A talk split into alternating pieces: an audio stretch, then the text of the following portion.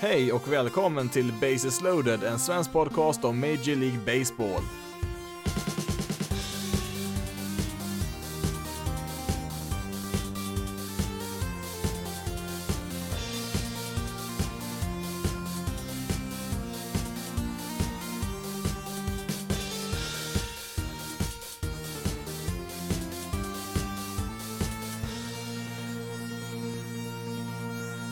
Hej och välkommen till Bases loaded, en svensk podcast om Major League Baseball. I det här avsnittet, som är ett extra avsnitt den här veckan, så kommer vi ta en närmare titt på American League West inför säsongen 2020. Det kommer inte bli några direkt nyheter där om exempelvis Christian Jelic nya kontrakt och ja, lite andra saker som hänt där de senaste dagarna, utan eh, de sparar vi till eh, måndagens ordinarie avsnitt. Så mm, ja, vi ska köra igång här direkt med eh, American League West då som sagt med Astros, Oakland A's, Angels, Rangers och Seattle Mariners. American League West ser ut att kunna bli rätt intressant i år ändå. Fyra av fem lag har försöker i alla fall vinna den här säsongen, men jag tror väl nog vi högst får se två lag gå vidare här till slutspel. Eh, främst är det väl Astros och Oakland här som är de största favoriterna. Astros är väl den största favoriten av dem alla här. Men eh, Angels och Rangers kommer väl göra vad de kan här för att störa de två lagen. Har väl i alla fall hyfsade lag där, men ja, Seattle Mariners då, de, eh, ja, de kommer få det väldigt, väldigt tufft i år kan vi säga. Den stora frågan då är ju hur Astros kommer att hantera all den här uppmärksamheten efter sign-stealing-skandalen. Eh, reportrar kommer ju säkert att fråga massa frågor om det här ämnet under hela året eh, och på bortaplan så kommer ju publiken göra allt vad de kan för att eh, få Astros-spelarna ur balans och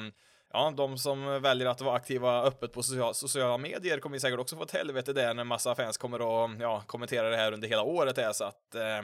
ja, jag försöker inte på något sätt eh, efterlysa någon empati här för Astros-spelarna. Det här har de ju såklart förtjänat så, men jag konstaterar ju bara här att det finns en viss risk att det kan bli riktigt tufft mentalt i år där i Houston. Talangen då på Astros roster gör ju att laget är favoriter till att vinna divisionen, men eh, ja, om det börjar brytas ner mentalt här under säsongen, vilket ja, det är ju såklart inte omöjligt, så finns ju ändå vissa möjligheter för andra lag här att passera dem i år.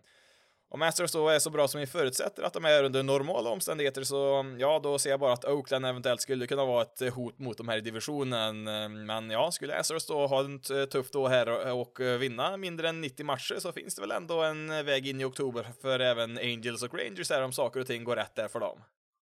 Vi kan ju då börja med just Houston Astros som, ehm, ja, de är väl lite sämre i år på pappret i alla fall. Eh, Garrett Cole har ju försvunnit där, vilket är ett uh, tungt tapp där, men ja, de får väl eh, i och för sig också tillbaka Lance McCullers Jr där i deras rotation som missade hela 2019 med en skada där, men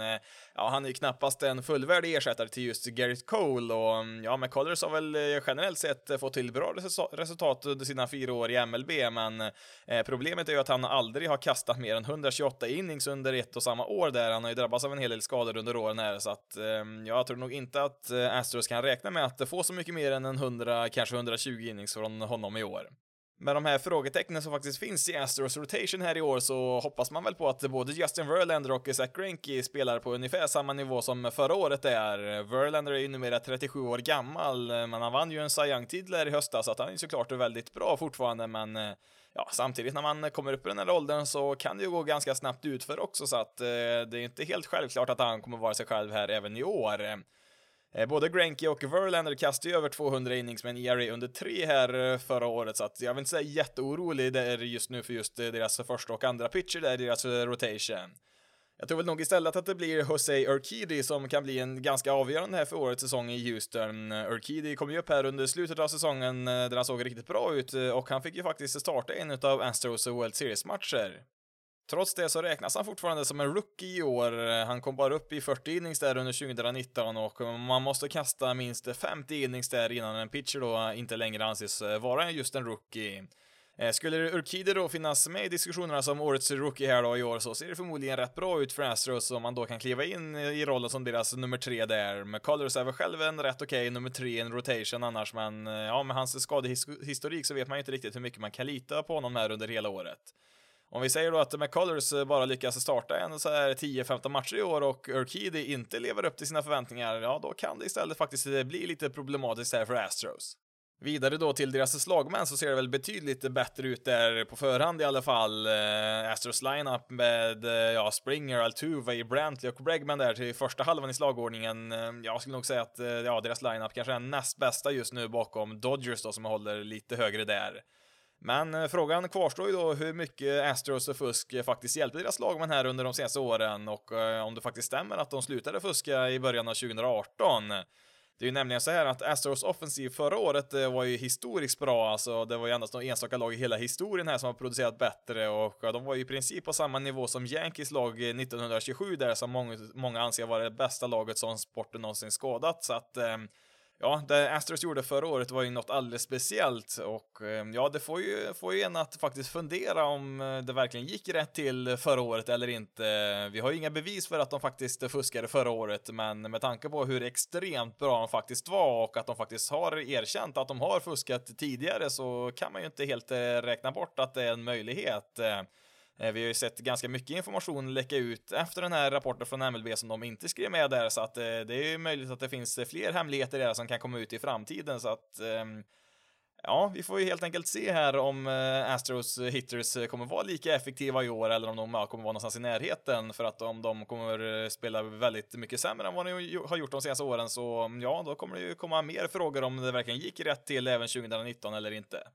En spelare som kan vara lite extra intressant att ha ett extra öga på eh, i år, det är ju Jordan Alvarez som eh, var ett eh, offensivt monster när han kom upp här förra året från AAA. Han spelade i och för sig bara lite drygt en halv säsong där, men hade han spelat lika bra över en hel säsong så hade han ju hamnat ganska högt upp i MVP-omröstningen.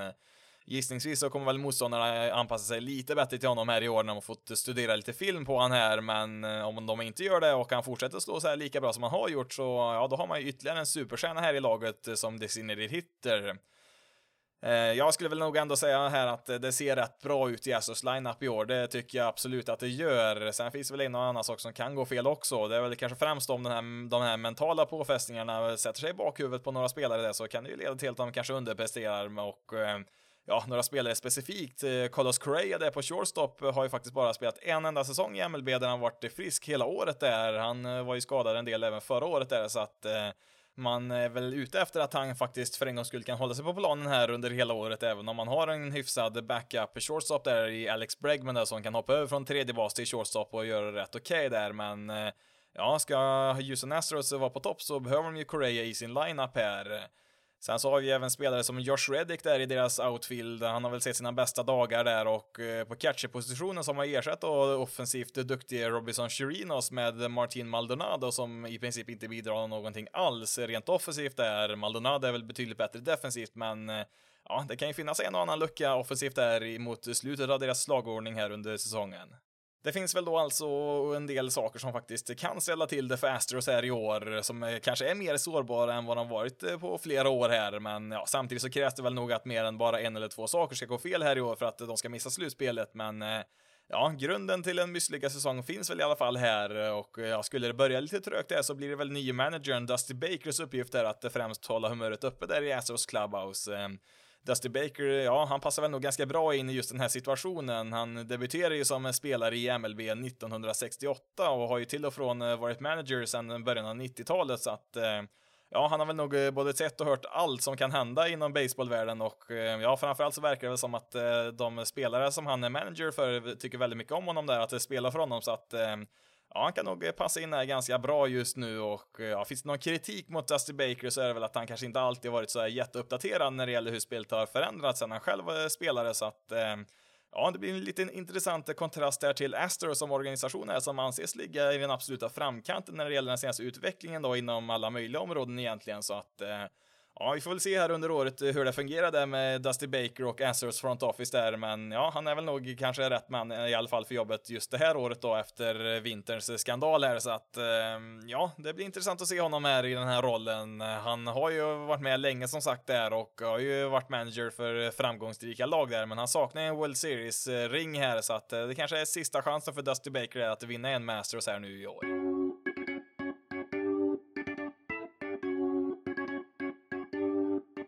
Främsta utmanaren då, Oakland Ace, kanske inte riktigt kan matcha Astros position för position, men slagordningen med Marcus Semien, Ramon Laureano, Matt Chapman och Matt Olson är inte så tokig än heller där. Eh, för två år sedan så var ju faktiskt Semien en, ja han var väl en medioker shortstop och eh, Chapman var väl då eh, kanske en lovande tredje basman i bästa fall där, men ja, idag så är ju båda de här två potentiella MVP-kandidater. Ja, Semien var ju faktiskt femma i hela MLB i wins above replacement förra året.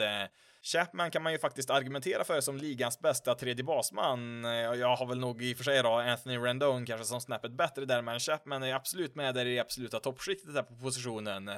Eh, Matt Olson då på första bas är ju kanske en av de mest underskattade spelarna i hela MLB. Eh, fantastiskt bra försvarare där på första bas, vilket man inte säger om speciellt många spelare som spelar på den positionen, men han är riktigt duktig där och eh, han slog ju 36 homeruns där på bara mm, 127 matcher förra året där, så att han är ju riktigt bra där han också. Om då den här kvartetten då med eh, Loriano, Semien, Chapman och Olsen då spelar på ungefär samma nivå som förra året där så ser det väldigt bra ut där, framförallt om även Chris Davis kan återvända till sin normala nivå. Eh, Davis bröt ju sin magiska svit där förra året där. Han hade ju fyra år i rad där hans batting average slutade exakt på 2.47, vilket är fantastiskt egentligen. Det, det är nästan omöjligt att sluta på exakt samma batting average eh, två och tre år i rad. Men han gjorde alltså fyra år i rad. Men förra året då så stannade han ju på 2,20 i betting average där och var ju allmänt dålig offensivt där, vilket såklart inte är optimalt för en designated hitter. Davis spelar ju visserligen då skadad under stora delar av 2019 där som tog bort hans förmåga att eh, slå för styrka. Mm, och alltså visst, eh, även när han varit frisk så har han väl inte satt bollen i spel speciellt ofta sådär och striker väl ut ganska mycket där men eh, det han hade när han var frisk, det, det var att han orkade driva ut bollarna ur arenorna där för ja, han slog väl ja, över 40 homeruns tre år i rad där men ja, när kroppen då förra året då inte tillät honom att eh, driva iväg bollen rejält där och eh, klappa till den lika hårt som han brukar göra så ja, då blev hans siffror lidande där så att eh, Ja, alltså de siffrorna han producerade förra året där är ju inte hållbart att ha kvar i sin lineup där, så han måste ju rycka upp sig här i år och förhoppningsvis så är väl Davis frisk här nu så att han kan återvända till den nivån han spelade på innan 2019. En viktig faktor i år, det är ju Oaklands rookies eh, A.J. Puck, Jesus Luzardo och Sean Murphy som alla tre fick ett smakprov i MLB här i slutet på förra året och eh, ja, de gjorde faktiskt riktigt bra det lilla de fick spela. Nu får de ju då chansen att hjälpa Oakland från opening day här och eh, ja, om de här tre herrarna fortsätter på samma spår här i år så mm, ja, då kanske Astros får börja svetas lite grann här för att om den här rosten lever upp till sin potential så kan de gå fram som en riktig ångvält här och vinna över 100 matcher ja, nu vann de ju 97 matcher redan förra året, eh, så att eh, det är inte så långt ifrån att komma upp till 100 där, men ja, om de här, deras tre rookies är eh, som sagt etablerar sig direkt här i år så ser det ju väldigt bra ut. AJ Puck och Jesus Luzardo har ju dock ett litet problem här eh, som kan eh, spela in här i år, eh, nämligen deras skadehistorik. Båda de här två är ju pitchers som ganska nyligen hade ganska allvarliga skador och ja, de har ju som sagt då inte kastat speciellt många innings de senaste åren då sammanlagt här så att Eh, det finns ju nog inte på kartan att de kan kasta en hel säsong här. Vi kan ju jämföra då med Padres rookie förra året, Chris Paddock. Eh, trots att han var hur bra som helst där så var ju han också begränsad utav sina tidigare skador där. Och eh, han kastade då 140 innings förra året, vilket jag tror fortfarande är lite optimistiskt eh, för Luzardo och Pack att göra i år för att eh, Paddock hade ju faktiskt kommit lite längre i sin rehabilitering då eh, året innan han eh, gjorde sin MLB-debut där så att eh, Eh, det är lite oklart hur många innings eh, Puck och Luzardo faktiskt kan kasta, men eh, så länge de kan göra det så finns det ju ganska goda möjligheter att de kan vara riktigt, riktigt bra. Ace vill ju såklart att både Puck och Luzardo ska finnas med i deras rotation här i många år framöver, men ja, just i år så skulle jag nog gissa på att de kanske får lite tid i deras bullpen också där för att hålla nere deras totala antal innings här under året och det gör ju att de också då skulle kunna Eh, använda dem för ett eventuellt slutspel då senare i året där och ehm, ja, alltså de, de håller ju inte för att starta från april till oktober, det gör de inte. Så att någon lösning måste man ju hitta på dem där. Så att ehm, ja, det är väl inte heller omöjligt att eh, de får vila lite extra där om de åker på någon sån här liten småskada där, att de får göra en liten extra tur där på deras injured list som de kanske egentligen inte behöver där, men eh, ja, vi kan inte räkna med 200 innings i år. Det kommer nästan vara en omöjlighet för de här två, så att eh, vi får se lite grann hur de kommer att eh, portionera ut deras innings här under året.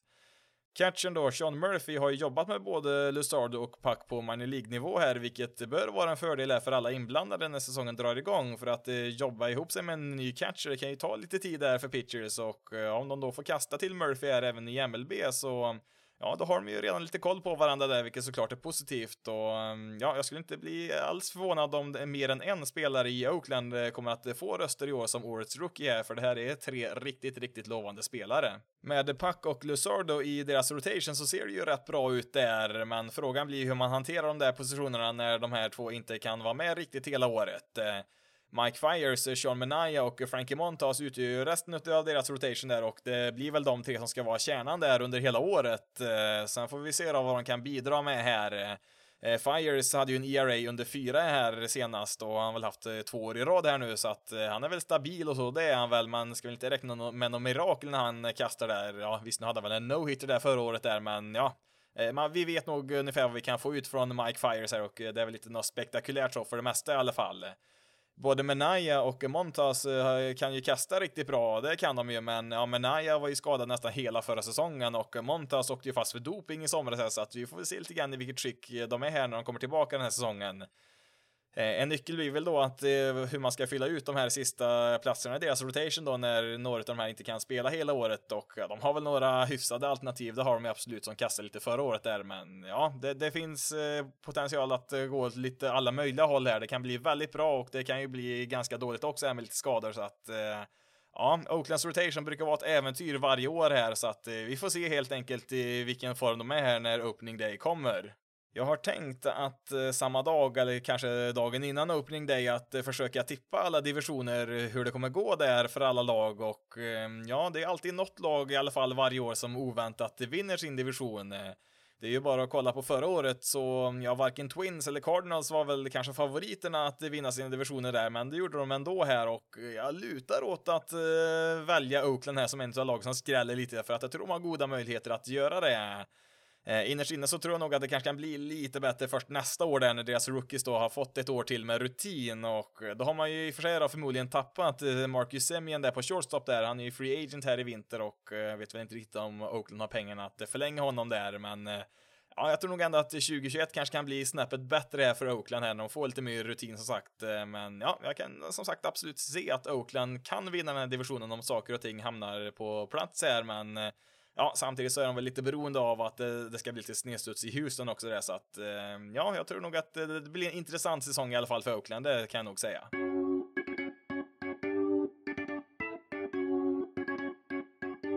Los Angeles Angels är ju ytterligare ett lag här som vill lägga sig i striden för divisionstiteln och eh, för att göra det så behövde man ju under vintern spendera stort för att eh, bygga en kompetent rotation och eh, ja, spendera stort, det gjorde man i Anaheim, det gjorde man, men kanske inte riktigt på den positionen som man väntade sig. Anthony Rendon och hans förre lagkamrat Steven Strasburg hamnar ju på delad andra plats här över störst kontrakt här i vinter, men ja, Strasburg blev ju kvar i sitt eh, Washington Nationals, de regerande mästarna, men Rendon då flyttar över då till just Los Angeles Angels då för att bli deras eh, tredje basman. Inget lag då säger såklart nej till att ha Anthony Rendon i sin lineup, eh, men det finns ju också så mycket mer behov i deras rotation just nu. Angels problem med starting pitching förra året och eh, ja, flera år före det också är ju väldokumenterade och eh, kan nog anses som det kanske enskilt största hindret till att Mike Trout inte fått spela i slutspelet de senaste åren här. Nåja, helt stilla stod man väl inte där när det gällde nyförvärvet i deras eh, rotation. Man tradade ju till sig dels Dylan Bundy då från Baltimore Orioles och sen så värvade man ju även in Julio Teheran som free agent. Dylan Bandrio var ju en gång i tiden faktiskt enormt lovande, men ja, efter sin debut 2012 där i MLB så dröjde det faktiskt hela vägen till 2016 innan han eh, dök upp igen där och eh, det var ju då på grund av massa skador. Från 2013 till 2015 då, alltså tre år där, så kastade han totalt 63 innings och ehm, ja som sagt han drabbades av väldigt mycket eh, otydliga skador där, allvarliga skador som nästan totalt förstörde hans karriär när han draftades där då innan han skadades så kunde han kasta upp till 100 miles per hour där, men ja, den förmågan har ju tappat eh, för länge sedan där och ja, nu kastar han väl strax över 90 där och ja, på de fyra säsongerna som han faktiskt har spelat i MLB här så har han väl aldrig avslutat en säsong med en ERA under fyra de senaste tre åren där så har han i alla fall då kastat en 160-170 innings där med eh, ja, en ERA kring 4,5 till 5,5 så att eh, ja, han har ju visat att han kan äta en hel del innings eh, men ja, han har inte direkt presterat på topp, det har han väl inte men ja, han är väl okej okay med de där siffrorna. Som en sista starter in rotation är en nummer 5 där men i Angels så är han nog nummer 3 just nu vilket kanske inte är optimalt.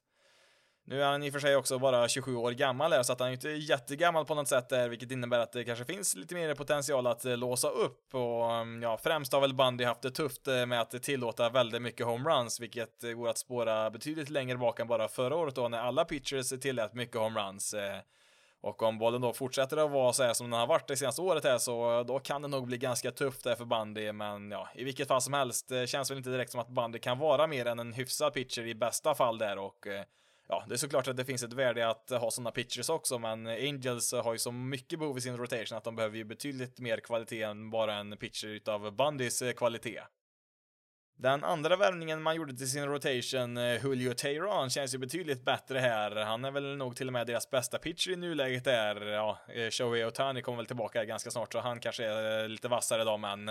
Ja, Tayron känns väl nästan som att han har varit med en evighet här nu, men han är faktiskt eh, fortfarande under 30 här och ja, sen han fick en ordinarie plats med Braves då i deras rotation där för en massa år sedan så har han faktiskt eh, eh aldrig kastat färre än 174 innings under ett år där och hans totala ERA i karriären ligger på 3,67 så att han är absolut en pitcher som Angels kan ha nytta av.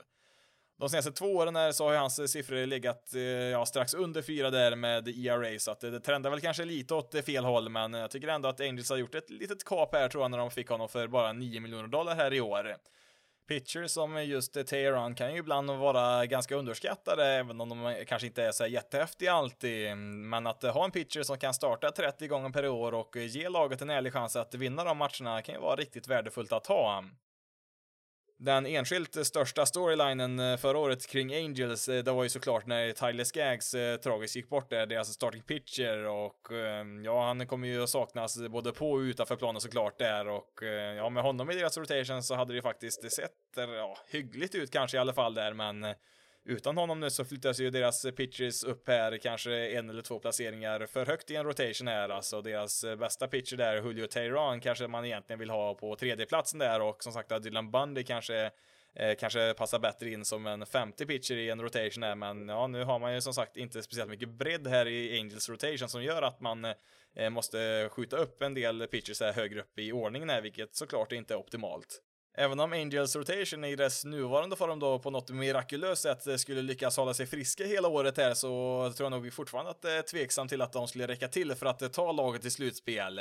Men ja, när vi ändå pratar om skador så har ju det redan börjat drabba Angels rotation här i spring training då lovande Griffin Cannings armbåge där har han, ja, han har lite problem med den där som verkar hindra honom från spel här vid opening day. Det är oklart än så länge hur länge han blir borta där och Ja, Griffin Canning gjorde ju en helt okej debut förra året där och var väl en av de här spelarna som var tvungna att utvecklas ytterligare år här för att eh, Angels skulle ha en chans där och eh, ja visst, skulle han ta ett steg framåt där så ser det väl bättre ut i deras rotation där men i nuläget så vet vi ju som sagt inte när han kan kasta igen. Bortsett från Rendon där så gjorde man väl bara en enda intressant eh, värvning till bland position players eh, och eh, det var ju catchen Jason Castro som skrev på ett ettårskontrakt efter en lyckad säsong där som backup i Twins förra året. Eh, likt eh, många andra Twins-spelare så gjorde han sin, eh, ja, en av sina bästa offensiva säsonger i karriären, vilket i stor del också verkar ha varit på grund av den nya bollen då, så vi kanske kan få ta de där resultaten eh, med en nypa salt där då, beroende på vilken boll vi spelar med 2020.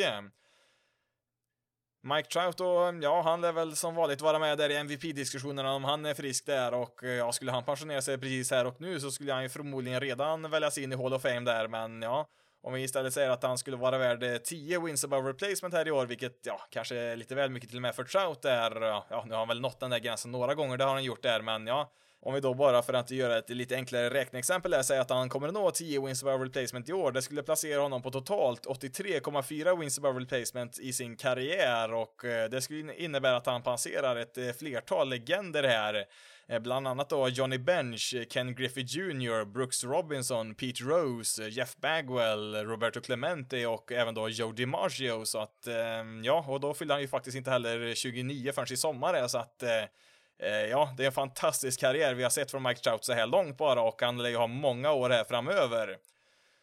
Nu får ju också Trout lite stöd från Anthony Rendone som gör Angels lineup enormt vass och ja, Rendone har väl kanske inte varit på riktigt Trouts nivå här någon gång i sin karriär, men de senaste fem åren här eller så, så har ju Rendone faktiskt varit en, en av ligans bästa spelare.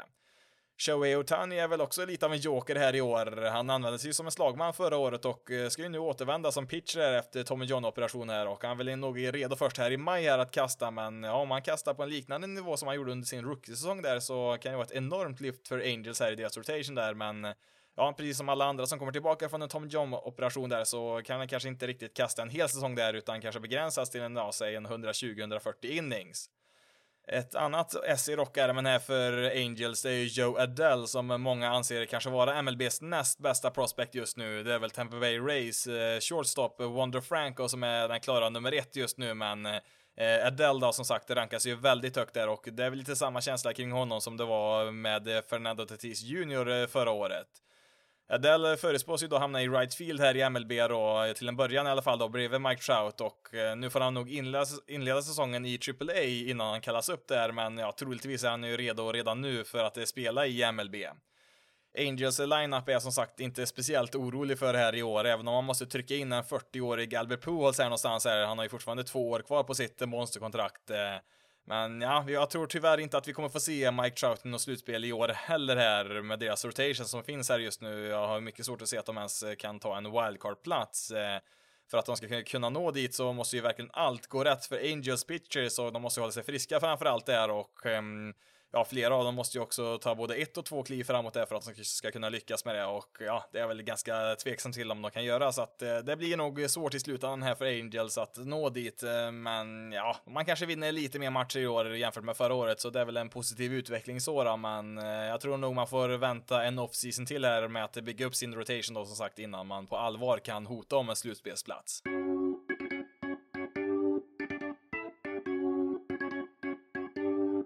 Hade Angels istället eh, fått eh, ställa upp med Texas Rangers eh, rotation i år så hade det sett betydligt ljusare ut där och ja, Rangers är då nästa lag här där framförallt Mike Miner och Lance Lynn var väldigt positiva överraskningar förra året i deras rotation. Men tyvärr då för Rangers del där så hade de inte speciellt mycket bakom dem där, eller ja, de hade väl i och för sig ganska många pitchers bakom de två där, men det var ju för att ingen av alternativen där bakom var något bra, så de fick ju rotera massa minor League pitchers där som inte lyckades eh, speciellt bra på MLB-nivå. Ariel Jurado och Adrian Sampson hade ju flest innings som starters bakom Lynn och Miner, men de producerar ju båda en ERA på 6 och de kastar ju sammanlagt då de 270 innings där, medan Lynn och Miner då kastar över 200 innings vardera med en ERA på 3,5.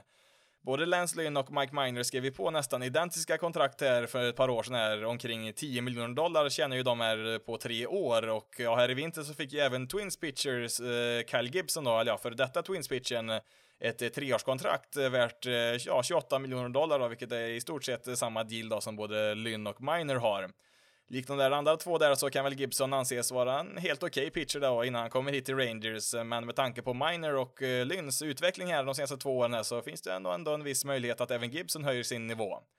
Rangers gjorde väl också en eh, ganska oväntad trade här för Indiens eh, tvåfaldige Cy Young-vinnare Corey Kluber för ett ganska lågt pris där i form av Delino De Shields, en eh, backout-outfielder och Emmanuel Classey där en lovande reliever. Nu kostar väl visserligen Kluber en hel del där kontraktsmässigt och Indiens har väl en tendens att vara lite snåla där när det gäller pengar så att det finns väl en viss logik i det hela men det kan nog bli riktigt bra det här för Rangers om Kluber kommer tillbaka i gammal form här. Hans dåliga säsong förra året spelar säkert också en roll eh, varför Indiens skeppade iväg honom. Eh, det blev ju bara sju starter där med riktigt dåliga resultat också där innan han dessutom då bröt armen och eh, misslyckades sen att eh, komma tillbaka till spel här under året. Han fyller ju då 34 ganska snart, så det finns absolut anledningar till att vara orolig för Klubers framtid. Men samtidigt så är det ju bara två år sedan som han vann en Cy Young och ja, det är bara ett år sedan hans ERA var under tre där på 32 starter, så att det finns ju absolut anledning till optimism här att de fick honom så billigt här för att om Kluber är bra så kan han ju vara riktigt, riktigt bra också för att det är som sagt en pitcher som har vunnit två stycken Cy Youngs. För att runda av sin rotation där så gjorde man ytterligare en värvning i Free Agency där. Jordan Lyles värvar man in som, eh, ja, han var väl ganska dålig faktiskt eh, första halvan på förra säsongen där, men sen tradades han till Milwaukee Brewers eh, där det gick riktigt bra där mot slutet och ja, han blir nog ett ganska bra alternativ där som deras eh, femte starting pitcher och mm, ja, deras eh, starting rotation som helhet, eh, ja, innan det blir skador och så då, såklart, så ser ju väldigt, väldigt bra ut faktiskt. man har väl kanske inte spetsen så, den är väl inte supervass rotation som med några solklara Cy Young-kandidater där, även om nu både Mike Miner och Lance Lynn fanns med där i diskussionerna för att få några röster där. Så bra var de ju faktiskt förra året där, men ja, nu vet jag inte riktigt om vi kan räkna med att de kommer vara riktigt lika bra även i år då, men ja, som helhet som sagt så ser det faktiskt väldigt bra ut här när kolla kollar på bredden här för att eh, ja, deras fjärde och femte pitcher är ju mycket bättre än eh, många lags eh, tredje pitcher så att ja, det ser bra ut i deras starting rotation här inför året här i Texas Rangers. Förra året så spelade ju faktiskt Rangers oväntat bra och hamnade till slut på 78 vinster där efter att det har rasat ihop där lite på slutet. De var ju faktiskt med där en liten stund där i wildcard-racet där innan de tappade lite då som sagt mot slutet. Ehm, det blir väl eh, lite svårt att förutspå deras säsong här i år, det måste jag säga, men när jag ser över deras roster så kan jag ju se hur den här säsongen skulle kunna utspela sig på ett sätt som resulterar i, ja, även 78 vinster det här året och jag kan även se ett händelseförlopp som leder till upp mot 90 vinster där med chans till slutspel om de, eh, ja, de får saker att fungera här. Egentligen så kan man väl eh, säga så om ja, alla lag egentligen då, inklusive eh, de allra sämsta där, att även ligans sämsta lag, om de får precis allt att stämma så kan väl de också nå slutspel då, vilket i de flesta fallen då såklart också är ganska långsökt.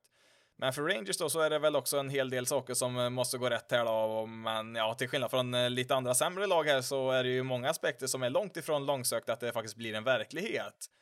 Både Lance Lynn och Mike Miner har ju möjligheten att upprepa sig sina säsonger från förra året där och ja, Corey Kluber lär väl inte chocka någon om han startar 30 matcher i år men ERA under 3. Deras lineup har väl kanske lite större frågetecken där, men ja, Joey Gallo, om han är frisk hela året så visar ju han 2019 att eh, han delvis kan bära ett lag offensivt. Uh, Willie Calhoun tog ju också ett rejält kliv framåt här förra året och kanske tar ett till här i år. Sen har ju även Danny Santana och 37-årige Sin Shu som fortfarande kan slå rätt bra där, så att ehm, det finns ändå en hel del kvalitet här och där i Rangers lineup också. Det hade väl dock sett betydligt bättre ut om de hade fått in Anthony Rendon här i laget. Uh, Rendon är ju från Texas här, så att eh, Rangers var väl en av favoriterna till att eh, kanske få skriva på kontrakt med honom där, men istället så blev det då en dubbel förlust här när han dels då inte bara skrev på med ett annat lag, utan också då för en divisionsrival då i Angels. Ehm, men istället då så får man plocka in Todd Frazier på tredje bas där som free agent och uh, även om han uh, kanske har varit bättre förr i tiden här så är uh, ändå en helt uh, duglig tredje basman här på MLB-nivå. Sen har man även fått in Robinson Chirinos här som är nygammal i Rangers. Han har ju kommit tillbaka här efter ett år i Houston Astros, vilket bör stärka deras catching-position där, åtminstone offensivt då, då alternativet just nu är Jeff Mathis som är ligans förmodligen sämsta slagman i nuläget. Eh, och då menar jag det bokstavligt talat också, för Mathis var vi ju förra året marginellt och vi, jag menar verkligen marginellt bättre än en genomsnittlig pitcher i rollen som en slagman. Och Avslutningsvis så, ja, de har väl en liten chans i slutspel, det har de väl, men jag tror nog att eh, det finns eh, för många lag både i divisionen och även då i övriga American League där för att eh, de här ska kunna ta sig till en wildcard-plats. Alltså att jag kunde se att det här laget kanske på något sätt skulle kunna krångla sig till 90 vinster. Ja, det kanske de kan göra, men det är i absolut bästa fall och eh, det skulle ju förra året i alla fall varken räcka till en divisionsvinst eller en wildcard-plats. Att eh, ja, man är något steg bakom de här bättre lagen här i alla fall. Eh, Astros är som sagt väldigt, väldigt bra och jag tycker Oakland också är mycket bättre än Rangers just nu så att eh, de två lagen måste ju underprestera en hel del för att Rangers ska ha en chans där, men ja, det är väl såklart ingenting omöjligt där, men eh, Ja, jag tror nog deras chans eh, till en slutspelsplats, det är ju om eh, ja, alla lagen här i divisionen i princip underpresterar och det krävs kanske någonstans mellan 85 till 90 vinster för att vinna divisionen där. Då kan jag ju se en väg där in för Rangers, men jag tror det blir svårt att ta en wildcard-plats där, för man brukar behöva vinna ganska många matcher för att eh, ta en av de där platserna.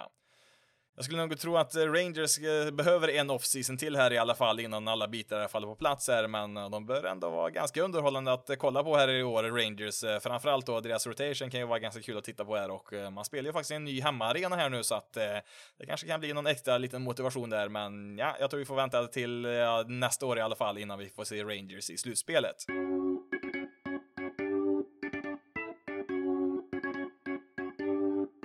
Till sist och eh, helt klart minst eh, har vi Seattle Mariners som kommer få slita hårt i år. Jag har ju sett diverse projections här som gissar att de kan vinna omkring 65 till 70 matcher i år, men i den här divisionen så skulle jag inte vara helt överraskad om de rasade långt under den siffran och eh, kanske till och med har sämst record i hela MLB 2020. I förra avsnittet där så hade jag väl inte så jättemycket att säga om San Francisco Giants och deras rebuild och ja, detsamma gäller väl Mariners här som också befinner sig verkligen på botten nu. De här absolut bästa spelarna har ju tradats bort här den senaste tiden, eh, som visserligen då har fyllt på Mariners farmsystem där ganska bra där med en hel del intressanta namn. Eh, eh, framförallt då förra årets trade där med Mets när man skickade Edwin Diaz och Robinson Canoes monsterkontrakt där till Mets lyckades ju väldigt bra där för Mariners sida och ja, det ser inte så jättebra ut för Mets del just den traden så här långt. Ja, visst, Edwin Diaz var ju väl kanske 2018s bästa reliever där, men så fort han kom till Mets där så rasade han totalt där och eh, och Cano där med sin eh, stora kontrakt som sagt har inte spelat jättebra heller. Eh, Mariners fick ju då in bland annat eh, Jared Kellenick där som under det senaste året där utvecklat sitt eh, topp 20 prospect i MLB. Han är väl till och med kanske topp 10 på vissa listor och mm, ja, nu får vi väl tyvärr nog inte se honom redan i år i MLB. Det hade annars varit eh, en av få saker att se fram emot här i år för Mariners, eh, men han får nog vänta något år till som sagt där. Eh, när vi ändå är inne här på prospects här då så vill jag också förvarna om Julio Rodriguez som är på väg att bli nästa stora namn här i prospect-världen här. Eh, nu har han väl visserligen blivit lite mer välkänd här när han hamnade rätt högt på en del prospectlistor här på den senaste tiden här, men eh, om ett år här skulle jag inte vara helt förvånad om han kanske till och med toppar alla prospectlistor som det här nya heta namnet som alla vill se debutera där, så att eh, Julio Rodriguez är ett namn att ha koll på här i Mariners system. Det kommer väl nog att dröja några år till här i Seattle innan det blir riktigt bra här, men eh, om ett par år så kan de ju faktiskt placera både då Jared Kelenic och Julio Rodriguez då i samma outfield och eh, de två har ju chansen där att eh, få till något väldigt speciellt här i nordvästra USA. När nästan det enda positiva man kan nämna här inför säsongen är deras prospect som fortfarande är ett par nivåer ifrån MLB. Ja, då vet vi nog att det förmodligen kommer att bli ett ganska tufft år. Det finns väl, ja, en och annan hygglig veteran här kvar. Mitch Haniger och Kyle Seager är väl bra spelare fortfarande, men ja, de lär väl säkert också tradas här vid första möjliga tillfälle om de hittar någon villig tradepartner. Ja, Seagers kontrakt kan i och för sig bli lite svårt att bli av med där, men ja, de kanske kan betala av delar utav det där, men ehm, ja, annars så förlängde man väl i och för sig under vintern här sin starting pitcher, Marco Gonzales där, som för första gången i karriären kastade en 200 innings här förra året. Eh, hans ERA landade ju på 3,99 där, så tekniskt sett hade han ju en ERA under 4 i alla fall där, så att ehm, ja, han fick ett fyraårskontrakt här nu under vintern som sagt och eh, ja, det blir väl hans uppgift där att agera som mentor där åt eh, Mariners unga pitchers här som försöker etablera sig i MLB. Ett par av dessa unga pitchers är ju redan på plats i deras MLB-rotation. Eh, till exempel Yusei Kikuchi som kom över från Japan förra året. Eh, han är väl inte jätteung, det är han väl inte. Och sen även då Justin Sheffield som kom också han i en trade förra året där. Han kom ju från Yankees där när man tradade bort eh, James Paxton och um, ja, ingen av de där två hade väl speciellt bra säsonger förra året om vi ska vara helt ärliga, så att de behöver väl ta ett steg framåt här i år för att de ska komma på banan igen i sin utveckling. Bland deras position players så finns det väl ett och annat halvintressant namn där som är lite yngre. Bland annat eh, JP Crawford på shortstop där kan ju vara lite kul att se på ibland där. Han hade väl sina stunder även förra året, eh, men mest intresserad eh, det är jag nog utav Evan White där på första bas. Han skrev på ett Eh, sexårskontrakt är värt 24 miljoner dollar plus tre klubboptioner där och eh, det som gör honom lite extra intressant eh, det är ju att han faktiskt aldrig har spelat högre upp än double A och det innebär ju att han säkert får starta säsongen i MLB här i år, vilket är ett ganska stort hopp då från double A då, men han är ett topp 100 prospect så att han är ju ganska lovande här. Det är väl inte heller speciellt vanligt att en första basman som även White då rankas som en väldigt bra base runner, alltså han kan nog få ihop en ganska många stolen bases här, framförallt då för att vara en första basman då och eh, Ja, även hans försvarsspel sägs ju också vara något utöver det vanliga där på positionen, så att eh, han är lite intressant där och han är inte direkt en typisk första basman så och eh, dessutom att han får det här kontraktet då innan han ens har spelat en enda match i MLB. Men så mycket mer spännande än så blir det nog inte för Seattle i år som får slita ganska hårt här i en tuff division och eh, jag gissar nog att det kommer bli ett väldigt tidigt val i draften 2021 som resultat efter den här säsongen. Ja, det var allt eh, för denna inblick i American League West inför säsongen här. Jag tror nog det kan bli en rätt rolig division att eh, följa här i år, även om man tror att både Astros och Ace kanske är snäppet eh, högre än de andra lagen här. Men ja, både Angels och Rangers kan ju i alla fall vara med där och störa dem lite grann där, så att jag tror det kan vara lite intressant att följa de här lagen under året som sagt. Jag kommer ju fortsätta på liknande sätt med de kvarvarande fyra divisionerna också såklart. Eh, nästa division blir, blir National League Central som jag tänkte ta där på måndag, ordinarie dagen för den här podcasten och eh, då blir det väl säkert också några av nyheterna som har skett där under veckan så att eh, det är vad som ligger på horisonten här för podcasten i alla fall. Du kan följa Basis Loaded på Twitter, Facebook och Instagram. Då letar du upp Basis SE på de plattformarna och du kan även mejla till basisloadedse gmail.com. Men nu har jag pratat tillräckligt för idag. Mitt namn är Jonathan Fabri. Tack så jättemycket för att du har valt att lyssna på det här avsnittet av Basis Loaded. Ni får ha det så bra där ute så hörs vi i nästa avsnitt.